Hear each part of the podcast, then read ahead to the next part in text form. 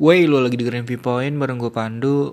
Um, di episode ke-11 ini, gue mau ngomongin tentang calon legislatif. Kenapa calon legislatif?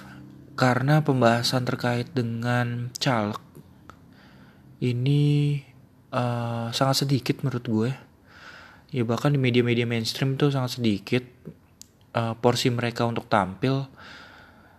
Mereka tampil juga biasanya mewakili atau sebagai juru bicara um, pasangan capres cawapres gitu. Dan mereka akhirnya mempunyai kesempatan untuk tampil gitu. Kalau misalnya mereka mempromosikan diri mereka eh gua di dapil sekian sekian segala macem media mainstream tuh hampir mungkin sangat kecil atau mungkin nggak ada gua nggak tahu sih.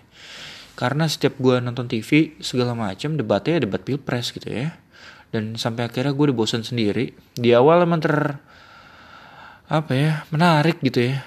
Gue tuh selalu suka gitu debat-debat politik segala macam tapi ya kalau debat-debat kusir apa segala macam yang akhirnya cuma ribut-ribut doang ya nggak substantif ya nggak gue tonton juga gitu.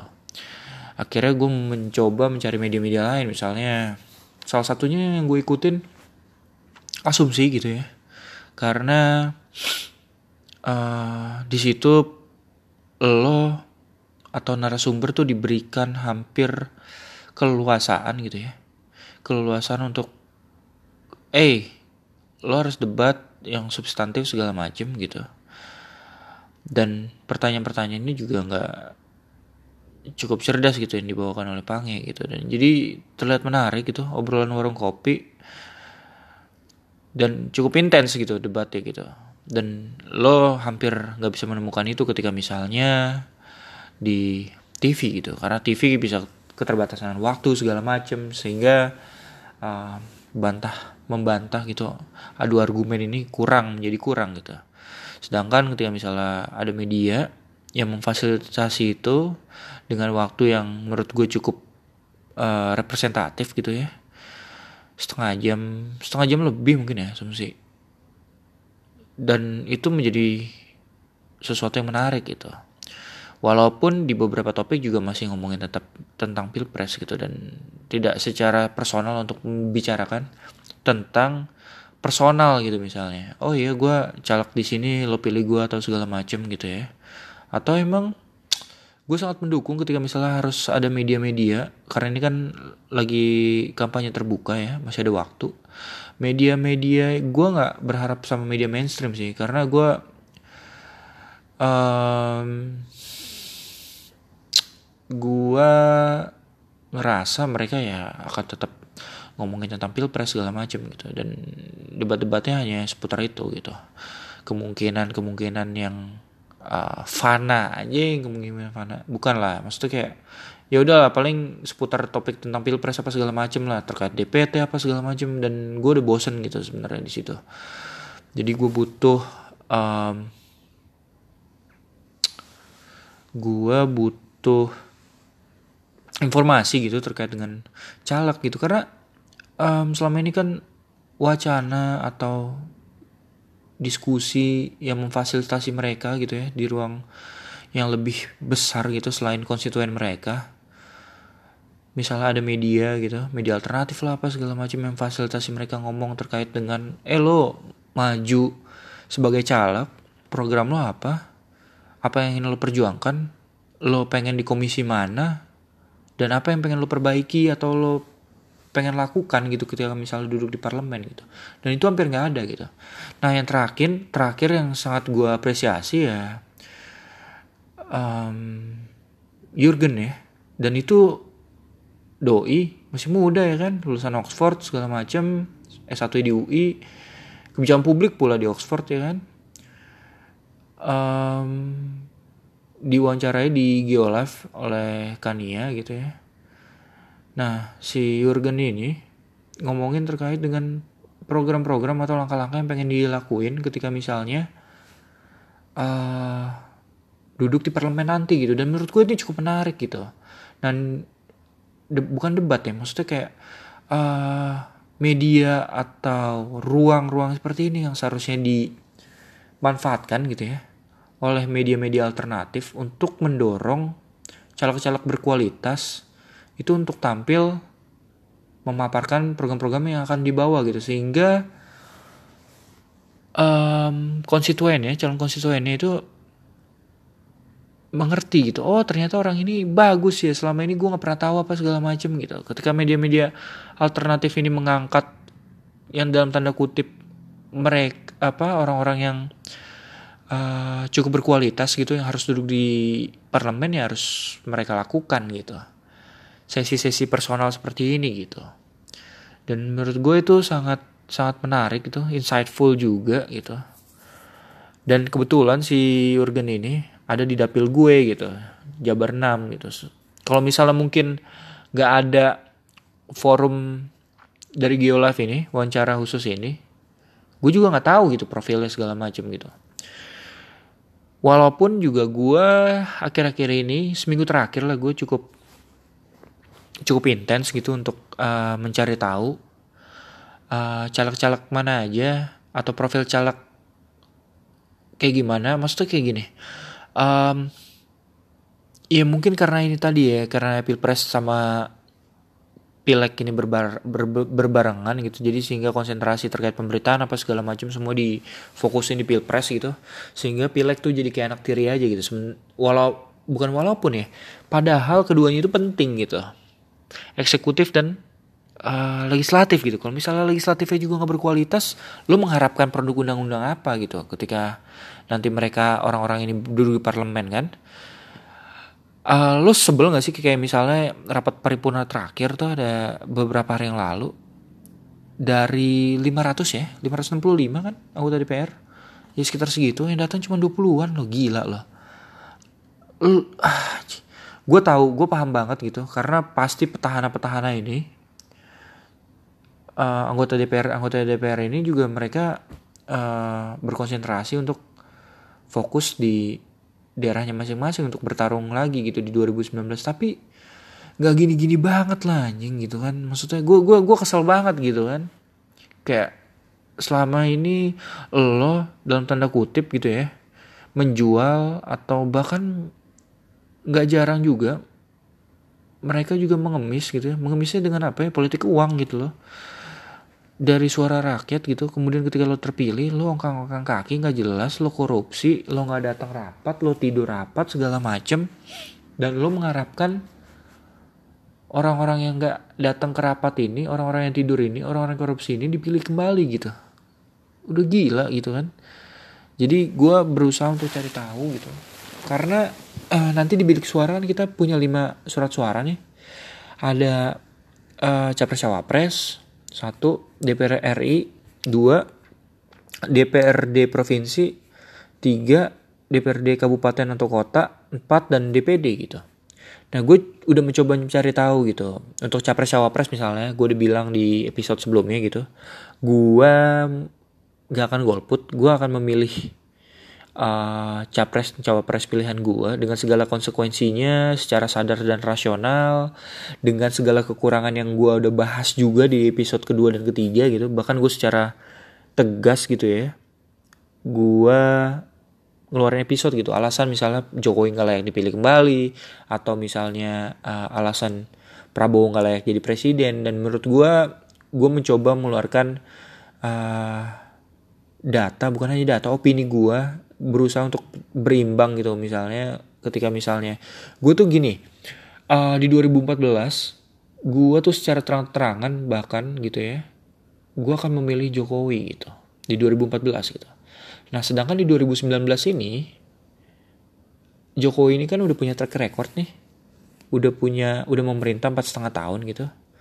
Jadi lo udah tahu dong gitu kan selama empat setengah tahun ini apa yang dikerjakan apa yang gak dikerjakan apa yang dijanjikan gitu kan yang mana yang udah terwujud mana yang melebihi ekspektasi. Gue akui ada beberapa beberapa sektor yang melebihi ekspektasi gue gitu. Kayak misalnya uh, menteri-menteri yang dalam tanda kutip cukup progresif dan gue sangat bangga gitu orang-orang ini bisa berada di posisi itu gitu loh. Untuk mengelola sebuah misalnya kementerian yang cukup kompleks dan lain-lain yang selama ini birokrasi itu di dianggap sebagai suatu yang kaku apa segala macem dan bisa akhirnya membuat terobosan-terobosan karena dipimpin oleh orang-orang yang dalam tanda kutip yang berkualitas gitu. Gue mengapresiasi di situ juga, tapi gue juga nggak jarang juga untuk mengkritik pemerintahan segala macam. Jadi sebenarnya untuk di 2019 ini untuk ngomongin capres cawapres, ya dua-duanya punya latar belakang, punya latar rekam jejak, artinya punya historical position gitu ya. Kalau misalnya um, selama ini gitu ya si uh, Pak Prabowo gitu punya dalam tanda kutip uh, isu-isu uh, personal yang selama ini juga belum diselesaikan gitu ya. Belum dijawab belum terjawab gitu. Kemudian juga Pak Jokowi ya secara secara clear kita harus objektif juga gitu. Kalau misalnya banyak kelemahan juga selama ini yang di uh, bukan di, dilakukan ya bukan hanya dilakukan tapi ada beberapa kelemahan yang emang sekiranya mengganjal gitu yang mungkin bisa menjadi alasan gitu untuk beberapa orang atau bahkan gue bahkan gue juga gitu untuk untuk tidak memilih uh, Pak Jokowi kembali gitu. Gue udah jelasin di episode kedua gitu. Jadi artinya untuk di posisi 2019 ini mereka tuh gue anggap sebagai punya apa kekuatan yang setara gitu ya punya kekuatan yang setara kalau mungkin di 2014 gitu ya orang uh, memilih Jokowi pertama uh, punya karir politik maksudnya di pemerintahan gitu ya. Pernah jadi wali kota gubernur dan akhirnya maju sebagai presiden. Sedangkan Prabowo ini belum punya track record misalnya di memegang suatu daerah apa segala macam gitu ya. Terus juga kekuatan Jokowi lainnya lainnya di 2014 ya Jokowi ya representasi bukan hanya bukan dari elit dan dianggap ya represent, uh, Jokowi adalah representasi dari mayoritas rakyat Indonesia gitu. Um, jadi jadi ya begitu gitu. Jadi posisinya setara segala macam ada track record yang bisa kita lihat.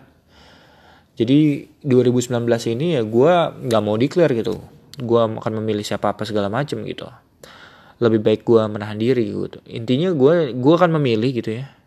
Gue akan memilih dan gue menghargai juga untuk mereka yang udah memutuskan untuk golput gitu.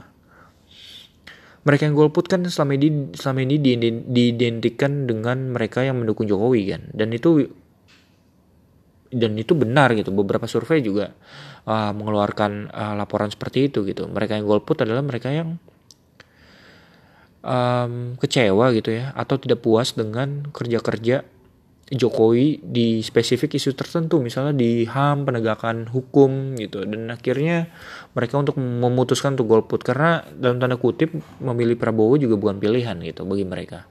Dan gue mendukung juga maksudnya pilihan pilihan-pilihan mereka gue nggak menghalang-halangi bukan menghalang-halangi gue tidak menyinyiri apa segala macam gitu. Bahkan gue mengeluarkan episode sendiri gitu gue berbicara tentang golput gitu. Golput adalah hak gitu dan dan dan ya gimana gitu ketika misalnya ada dua orang gitu ya berjualan terus misalnya nggak laku yang disalahin adalah pembelinya gitu. Itu aneh kan? Jadi ya, gue hargai juga mereka yang golput apalagi golput dengan alasan misalnya ideologis apa segala macem. Dengan pemikiran logis dan rasional oh ternyata ya, gue kecewa dengan ini dan gue nggak mungkin milih ini ya udah nggak apa-apa gitu. Apa sih yang salah dari itu? Dan kemudian eh, baru-baru ini kan ada statement lucu gitu ya. Bukan statement tapi ketetapan yang lucu gitu dari MUI kalau misalnya golput adalah haram. Dan gue udah state juga di di Twitter gitu ya di Twitter gue ketika MUI menyatakan kalau golput itu haram, justru itu memberikan keyakinan para golputers untuk tetap golput gitu. Jadi gue melihat ada ketakutan dari pemerintah gitu, ketakutan dari pemerintah dalam hal ini ya pemerintahan Jokowi gitu ya, kubu Jokowi gitu terhadap mereka yang golput gitu. Karena emang trennya emang pendukungnya Jokowi banyak yang golput gitu. Dan jadi menggunakan segala instrumen yang ada termasuk misalnya mungkin MUI gitu karena ini relate dengan uh, Pak Maruf Amin gitu kan MUI yang mungkin mengeluarkan segala uh, fa bukan fasilitas tapi instrumen yang ada di dalam uh, suatu negara gitu lembaga atau pemerintah eh lembaga atau kementerian mungkin ya. Ya untuk mengkampanyekan untuk tidak golput apa segala macam gitu. Ini jadi jadi akhirnya uh, sesuatu yang sebenarnya ya udah lebih baik menurut gua ya. Pemerintah Jokowi juga nggak perlu juga untuk terlalu berlebihan. Timnya Jokowi nggak usah terlalu berlebihan terhadap fenomena golput ini gitu. Karena dalam setiap pemilu mereka yang golput ini selalu ada gitu. Jadi ketika misalnya mereka diributin segala macam bukan malah si buzzer-buzzer ini mengajak mereka untuk menjelaskan kalau misalnya oi program presiden gue tuh kayak gini-gini dan lo nggak harus golput loh. Kita masih punya harapan apa segala macem. Justru akhirnya kan diributin gitu. Golput lah dikatain apa gue nggak setuju juga gitu dengan uh, opini yang dikeluarkan dengan Romo Magnis gitu. Disebut sebagai uh, psycho freak lah apa segala macem gitu. Benalu gue nggak setuju gitu dengan Romo Magnis. Selama ini gue juga salah satu penikmat karya-karyanya beliau gitu tentang Indonesia apa segala macam tentang etika moral politik lah apa segala macam gitu. Tapi dalam konteks ini mengenai pandangan beliau mengenai golput gue nggak setuju gitu. Karena emang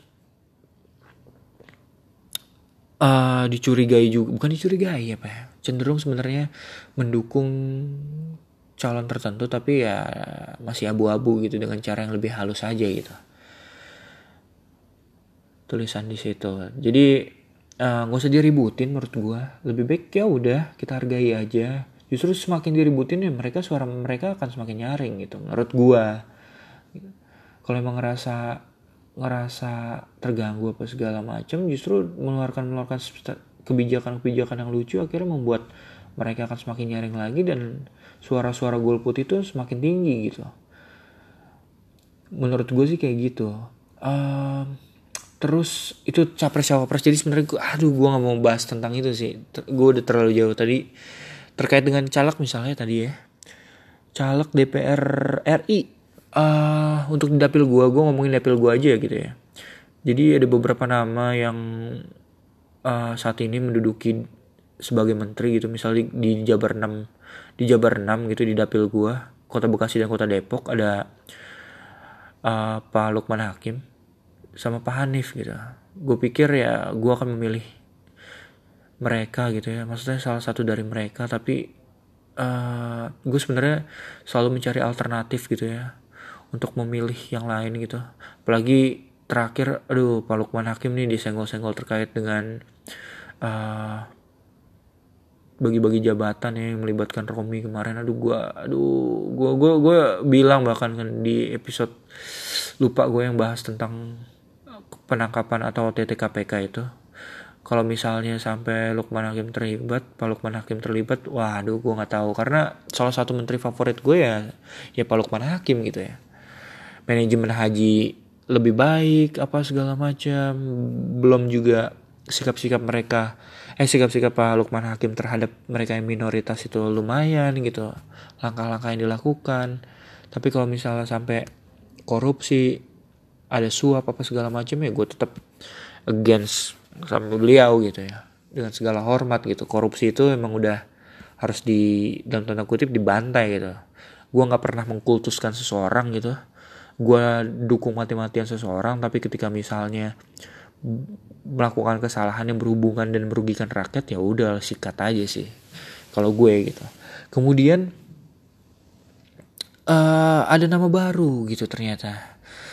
Gue taunya dari yaitu wawancara Kania di Geolive gitu sama Jurgen gitu. Jurgen adalah caleg PSI nomor 2 dan anak muda ini uh, lulusan UI ya lulusan UI satunya S2 nya di Oxford kebijakan publik dan uh, di wawancara itu nada-nada optimis segala macam mengenai apa yang akan dilakukan, program-program yang akan dilakukan, akan berada di komisi mana ketika misalnya nanti lolos ke Senayan dan apa misalnya produk legislasi yang akan dikeluarkan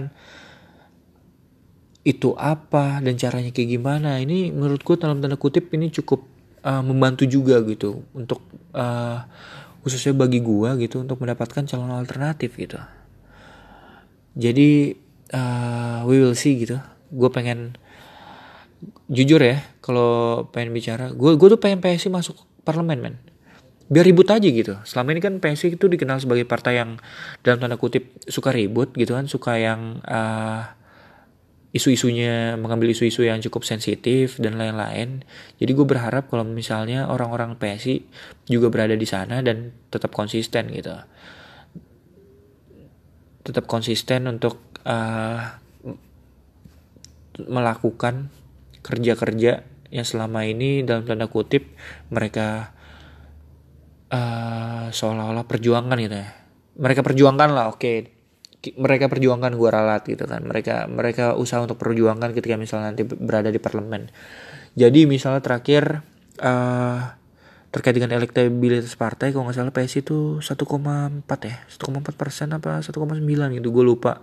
Angkanya emang masih kecil gitu dari 4 persen tapi uh, ada margin of error ada undecided voters ada lain-lain. Jadi uh, gua pengen mengendorse biar PSI masuk ke Senayan.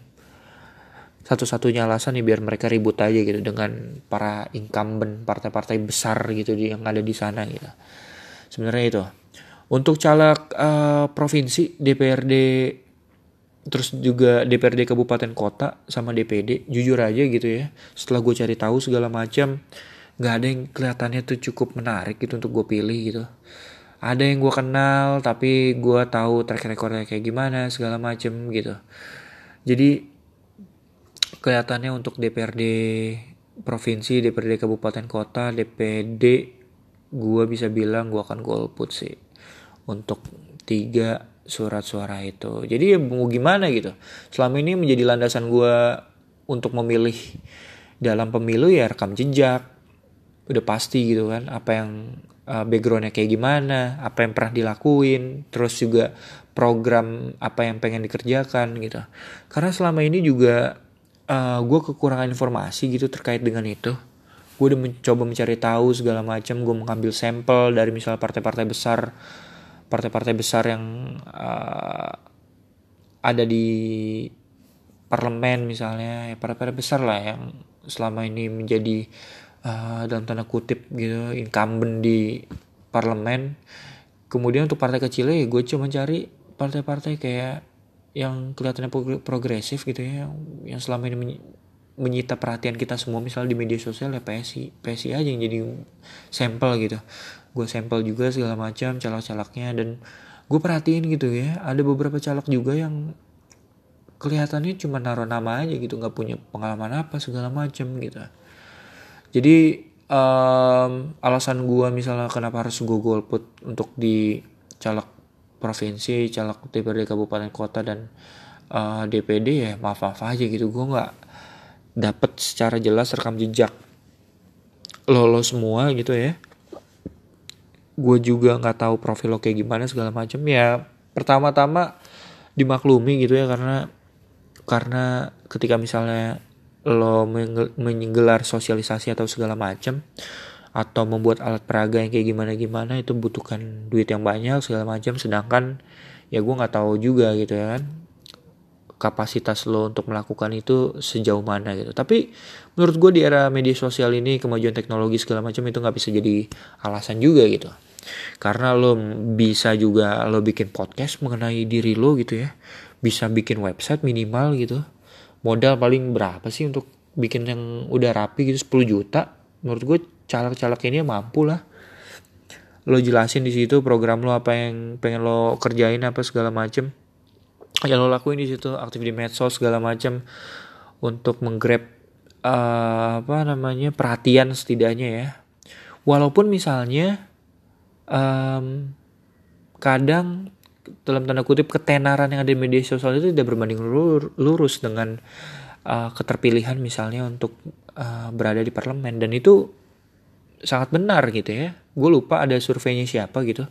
Jadi uh, media sosial media sosial ini ternyata tidak berpengaruh efektif gitu ya terhadap keterpilihan uh, caleg gitu. Karena ternyata yang selama ini terpilih gitu ya mereka yang nggak nggak menggunakan media sosial untuk berkomunikasi apa segala macam. Jadi pendekatannya ya pendekatan relawan misalnya pendekatan basis-basis masa tertentu misalnya atau door to door atau gue nggak mau bilang politik uang karena selama ini yang gue tahu politik uang juga nggak efektif gitu untuk menggayat uh, apa pemilih gitu untuk akhirnya memilih memutuskan memilih lo gitu.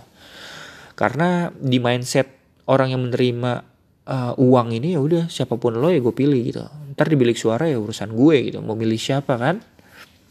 Jadi gitu pendekatannya pendekatan yang selama ini efektif uh, gue lihat tuh ya bukan malah media sosial segala macam. Itu membantu tapi kecil gitu. Yang dilakukan adalah ya itu tadi menggunakan basis masa apa segala macam door to door. Tapi bagi gua gitu ya misalnya nggak tahu uh, mereka segala macam dan tidak mendapatkan impact dari kampanye mereka ya gua mencoba mencari tahu secara online kan data-data yang tersedia misalnya di website KPU kayak misalnya terakhir uh, gua nggak tahu siapa yang ngerilis ada pintar memilih.id nah itu bisa lo buka gitu untuk cari tahu caleg-caleg siapa aja yang ada di dapil lo track recordnya kayak gimana.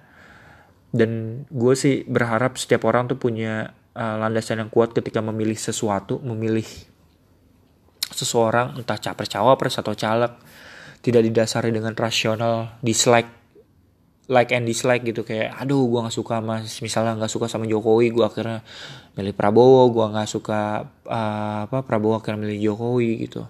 Tapi nggak didasari dengan uh, pencarian lebih lanjut gitu. Misalnya uh, mencari tahu backgroundnya kayak gimana dulu pernah kerjaan apa apa aja gitu. Terus juga ya itulah seharusnya pendekatan-pendekatan itu bisa dilakukan sehingga bukan hanya kita dijadikan dalam tanda kutip gitu apa ya bahasanya ya? E, pemilih ini bukan hanya dianggap sebagai orang yang ya udah gue butuh suara lo aja dan bodoh amat lo ngerti gue apa enggak gitu. Gue mengharapkan setidaknya 70% yang masuk TPS dan mencoblos caleg tertentu aja dengan landasan atau dengan penilaian pendekatan oh iya gue tahu karena rekam jejaknya itu gila sih menurut gue itu demokrasi Indonesia tuh udah melangkah sangat jauh ketika misalnya jauh ke depan ya. Ketika misalnya orang yang datang ke bilik suara itu tahu siapa yang dipilih karena rekam jejaknya dan apa yang misalnya apa yang akan dilakukan atau misalnya telah dilakukan oleh caleg-caleg ini di belakang. Kalau misalnya itu sampai dilakukan ini gokil banget sih. Gokil banget kalau misalnya angkanya lebih dari 50% aja gitu ya. Tidak didasari dengan ya udah gue kenal ini tapi eh come on masa lu cuman kenal aja kenal dalam tanda kutip anaknya ini anaknya ini putri ini apa segala macam tapi lu nggak mau cari tahu nih apa yang pengen lo diperjuangkan sama orang ini ketika misalnya berada di parlemen kan? Karena ya itu tadi lo lihat lah ya kan misalnya RUU permusikan gitu ya gue nyinggung sedikit gitu kualitasnya kayak apa gitu kan? Itu dikritik habis-habisan segala macam ah, sampai akhirnya dibatalkan. Akhirnya orang bertanya-tanya apakah produk legislasi yang lain itu kualitasnya seperti itu gitu seperti RUU permusikan ini gitu. Dan gue berharap banget gitu orang-orang yang tidak mempunyai kualitas hanya dikenal aja misalnya artis apa segala macam dan tidak punya pandangan visi dan misi ke depan terkait dengan Indonesia gitu ya. Tidak mempunyai visi dan misi anti korupsi gitu misalnya. Ya mereka gue harapin sih nggak lolos gitu ke Senayan bukannya ke Senayan tapi ke parlemen uh, provinsi di kabupaten kota gitu.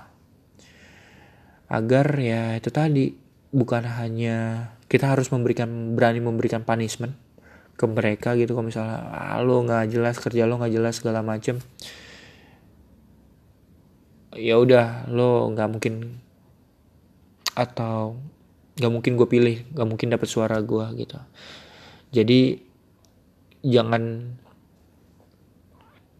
bagi gue ya suara gue mahal dan gue mengharapkan lebih dari 50% pemilih di Indonesia gitu ya juga berpikiran kayak gue gitu. Suara kita mahal men.